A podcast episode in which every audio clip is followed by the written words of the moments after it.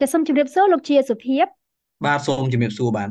ចាជាដំបូងនាងខ្ញុំចង់ដឹងថាមហោស្រពភាពយន្តអន្តរជាតិកម្ពុជាលើកទី12នេះនឹងមានរៀបចំបែបណាខ្លះហើយប្រពនៅពេលណានិងកន្លែងណាដែរចាបាទសូមអរគុណមហោស្រពភាពយន្តអន្តរជាតិកម្ពុជាលើកទី12នៃឆ្នាំ2023នេះនឹងរៀបចំឡើងនៅក្នុងទីក្រុងភ្នំពេញហើយដែលនឹងប្រារព្ធធ្វើឡើងចាប់ពីថ្ងៃទី30ខែឧសភាដល់ថ្ងៃទី4ខែមិថុនា នៅតាមបណ្ដារោងភាពយន្តនៅក្នុងរាជធានីភ្នំពេញ ដែលក្នុងនោះរួមមាននៅ Legend Premium Exchange Square យើងមាននៅ Major Aeon 1វិទ្យាស្ថានបារាំងមជ្ឈមណ្ឌលបូផាណាសន្តាគារ Rosewood រោងភាពយន្ត Legend Premium នៅ Olamcha រោងភាពយន្ត Legend Mega Mall រោងភាពយន្ត Legend Premium Sansok និងនៅ Cine Hub មហោស្រពភាពយន្តអន្តរជាតិលើកទី12នេះនឹងធ្វើការបើកសម្ពោធជាផ្លូវការនៅថ្ងៃទី30នៅ Legends Olympia ហើយការដែលបើកសម្ពោធនេះគឺត្រូវមានលិខិតអញ្ជើញដើម្បីចូលរួមបើកសម្ពោធដោយសារតែ កន្លែងយើងមានរៀងតូចចង្អៀតបន្តិចដោយឡែកការចូលទស្សនាខ្សែភាពយន្តនៅក្នុងមហោស្រពទាំងអស់រយៈពេលប្រហែលថ្ងៃនេះនៅគ្រប់បណ្ដារោងភាពយន្តទាំងអស់គឺសិតតែមិនមានការលក់សម្បត្តិទេគឺចូលរួមទស្សនាដោយសេរីនៅគ្រប់បណ្ដារោងកុនទាំងអស់ហើយទស្សនិកជនលោកលោកស្រីកញ្ញាអាច អញ្ជើញ download យកកម្មវិធីមហោស្រពរបស់យើង នៅតាមរយៈប្រព័ន្ធអ៊ីនធឺណិតនៅលើ website របស់មហោស្រពនិងក៏ដូចជាលើគេហទំព័រ Facebook របស់មហោស្រពផងដែរបាទយើងដឹងថាមហោស្រពភាពយន្តអន្តរជាតិបានរៀបចំឡើង11ដងរួចមកហើយហើយនេះគឺជាលើកទី12នាងខ្ញុំចង់ដឹងថាតើអ្វីទៅជាគោលបំណងដែលមហោស្រពភាពយន្តអន្តរជាតិលើកទី12នេះប្រពឡើងចា៎ គោលបំណងនៃមហោស្រពលើកទី12នេះមិនខុសពីគោលបំណងនៃមហោស្រពកន្លងមកនោះទេ គឺថាមហោស្រពនេះបម្រើជាវេទិកាមួយ សម្រាប់ធ្វើការបង្ហាញនៅស្នាដៃថ្មីថ្មីរបស់សមិទ្ធករភាពយន្តទាំងក្នុងប្រទេស និងសមិទ្ធករភាពយន្តក្រៅប្រទេសហើយមិនត្រឹមតែប៉ុណ្ណោះមហោស្រពនេះជាវេទិកាសម្រាប់ ឲ្យអ្នកផលិតភាពយន្តមានឱកាសជួបជជែកគ្នា បង្ហាញនៅស្នាដៃរបស់ខ្លួនជូនគ្នាទៅវិញទៅមកហើយវាក៏ជាវេទិកាមួយដែលយើងអាចហៅថាជាកញ្ចក់ឬក៏ជាបង្អួចសម្រាប់ឲ្យទស្សនិកជនខ្មែរឬក៏សិល្បករខ្មែរយើងក៏លេចមើលការវិវត្តនៃ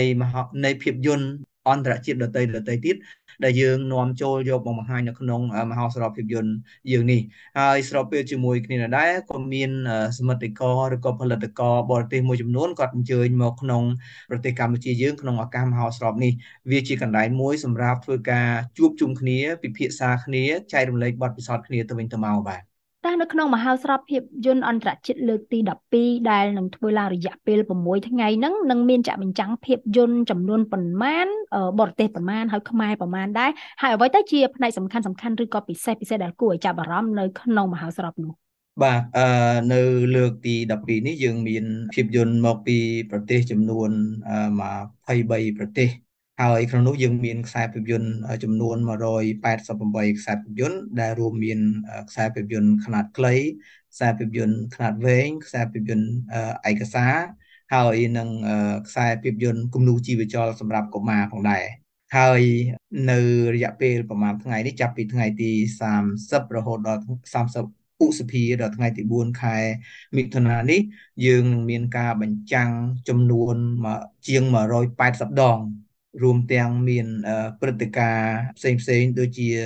កិច្ចពិភាក្សាការធ្វើបទបង្ហាញនានានៅតាមបណ្ដារោងកុននិងនៅតាមបណ្ដា venue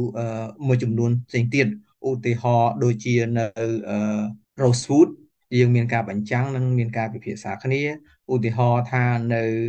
ក្នុងកម្មវិធី Mekong Discovery Day ដែលប្រព្រឹត្តទៅនៅផ្សារ Olam Shah Mall ជាន់ក្រោមនឹងមានធ្វើការបង្ហាញនៅ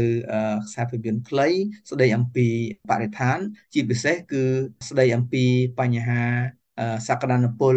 ជីវិតរស់នៅរបស់សហគមន៍នៅតាមដងទន្លេមេគង្គនិងជុំវិញទន្លេមេគង្គដែលមានអ្នកជំនាញ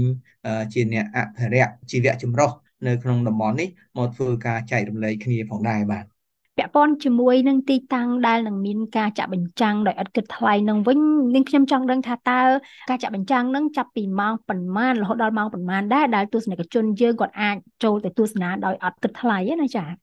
បាទចំពោះកម្មវិធីទស្សនានេះគឺថាវាមានច្រើនណាស់ក្នុងរយៈពេលតែ6ថ្ងៃហើយមានជិត200 screening ជិតការបញ្ចាំងជិត200ដង ដូច្នោះហើយកម្មវិធីគឺចាប់តាំងពីយ៉ាងហោចណាស់ក៏ចាប់ពីម៉ោង10ព្រឹករហូតទៅដល់ទៀបភ្លឺនោះកន្លែងខ្លះរឿងរហូតដល់ទៀបភ្លឺណាអញ្ចឹងទស្សនិកជនគាត់អាចមើលកម្មវិធីលម្អិតរបស់យើងនៅក្នុង program របស់យើងអញ្ចឹងគាត់អាចជ្រើសរើសនៅក្នុងថ្ងៃនីមួយនីមួយឧទាហរណ៍ថានៅថ្ងៃទី31ខែ ឧសភាឆ្នាំ2023ថាតើនៅរោងភាពយន្តនីមួយៗចាប់ផ្ដើមនៅម៉ោងប្រហែលហើយភាពយន្តអីចាប់ផ្ដើមនៅឋានាដូច្នេះហើយនៅពេលដែលទស្សនិកជនគាត់ download យក program របស់យើងឬក៏អញ្ជើញមកយក program របស់យើងនៅតាមមុខ venue នីមួយៗក៏គាត់អាចមើលឃើញថាតើម៉ោងប្រហែលគាត់អាចទស្សនាបានដែរអញ្ចឹងជាការសង្ខេបគឺថាកម្មវិធីរបស់យើង ចាប់ផ្ដើម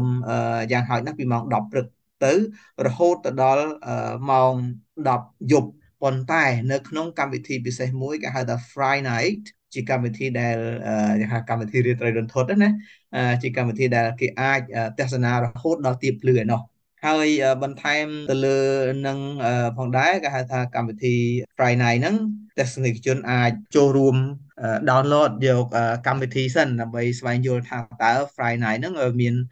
លក្ខណៈពិសេស យ៉ាងម៉េចដើម្បីឲ្យគាត់អាចនាំមិត្តភ័ក្តិមកមើលពួកអីយើងបញ្ចាំងរហូតដល់ពេលយប់ណាបាទអញ្ចឹងទៅគាត់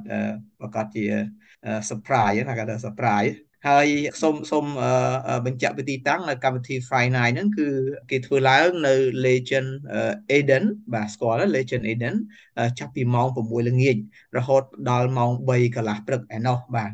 យើងឃើញថាមហោស្រពភាពយន្តអន្តរជាតិនេះបានបង្កើតឡើងកាលពី12ឆ្នាំមុនហើយមហោស្រពនេះបានរៀបចំឡើងស្ទើរតែរៀងរាល់ឆ្នាំឃើញថាអាខាហ្នឹងគឺកាលពីកំឡុងនៃការផ្ទុះ COVID ច្រើនក្នុងរយៈពេលប្រហែលឆ្នាំមុននេះតើលោកមើលឃើញថាវិស័យភាពយន្តនៅកម្ពុជាយើងមានការផ្លាស់ប្ដូរបែបណាដែរបើធៀបទៅនឹង12ឆ្នាំមុននៅមុនពេលដែលមានការបង្កើតនៅមហោស្រពភាពយន្តអន្តរជាតិនេះឡើងចា៎ ចំពោះការសង្កេតឃើញរបស់យើងទាំងអស់គ្នា ការវិវត្តនៃវិស័យភាពយន្តរបស់កម្ពុជាគឺមានការវិវត្តខ្លាំងបើសិនយើងធៀបទៅ12ឆ្នាំមុនណាកាលពីយើងបង្កើតមហោស្រពដំបូងយើងមានតែមួយ screen ទេយើងអត់មានរោងកុនអីជាច្រើនដូចនៅពេលបច្ចុប្បន្នទេហើយក៏មិនឃើញមានផលិតកម្មអីច្រើននោះដែរហើយនៅពេលដែលនៅពេលបច្ចុប្បន្ននេះយើងអាចកលេចមើលឃើញទាំងអស់គ្នាថានៅក្នុងប្រទេសកម្ពុជាយើងនេះមានរោងភាពយន្តជាច្រើនកន្លែង នៅក្នុងរាជធានីភ្នំពេញទាំងនៅក្នុងសៀមរាបនៅបាត់ដំបងអីជាដើមសុទ្ធតែមានរោងភាពយន្តហើយរោងភាពយន្តនោះគឺសុទ្ធតែរោងភាពយន្តទំនើបទំនើបបែបលក្ខណៈអន្តរជាតិទៅទៀតអឺដូចជារោងភាពយន្តដែលយើងដាក់ មហោស្រពរបស់យើងនៅធ្វើការបង្ហាញកុននៅក្នុងមហោស្រពរបស់យើងនឹងជាដើមគឺគឺមានច្រើនណាស់ហើយក្រៅពីនោះក៏យើងមើលឃើញថាភាពយន្តរបស់កម្ពុជាយើងមានភាពយន្តមួយចំនួនត្រូវបានជ្រើសរើសចូលរួមប្រកួតមហោស្រពភាពយន្តអន្តរជាតិផ្សេងផ្សេងហើយទទួលបានពានរង្វាន់ទទួលបានភាពជោគជ័យនឹងច្រើនផងដែរ ហើយក៏យើងអាចមើលឃើញនៅពេលបច្ចុប្បន្ននោះថាបច្ចុប្បន្ននេះមានផលិតកម្មជាច្រើន មានផលិតករជាច្រើន ដែលគាត់កំពុងតែធ្វើការងារនៅក្នុងវិស័យហ្នឹងបាទទោះបីបើយើងមើលឃើញថាជាងកាលក៏លេចធ្លោទៅជាងកាលក៏មិនលេចធ្លោទៅណាក៏ប៉ុន្តែជាវិជ្ជមានជាជំហានវិជ្ជមានយើងឃើញថាកំពុងតែធ្វើដំណើរទៅទោះបីបើមានការលំបាកបន្តិចបន្តួចក៏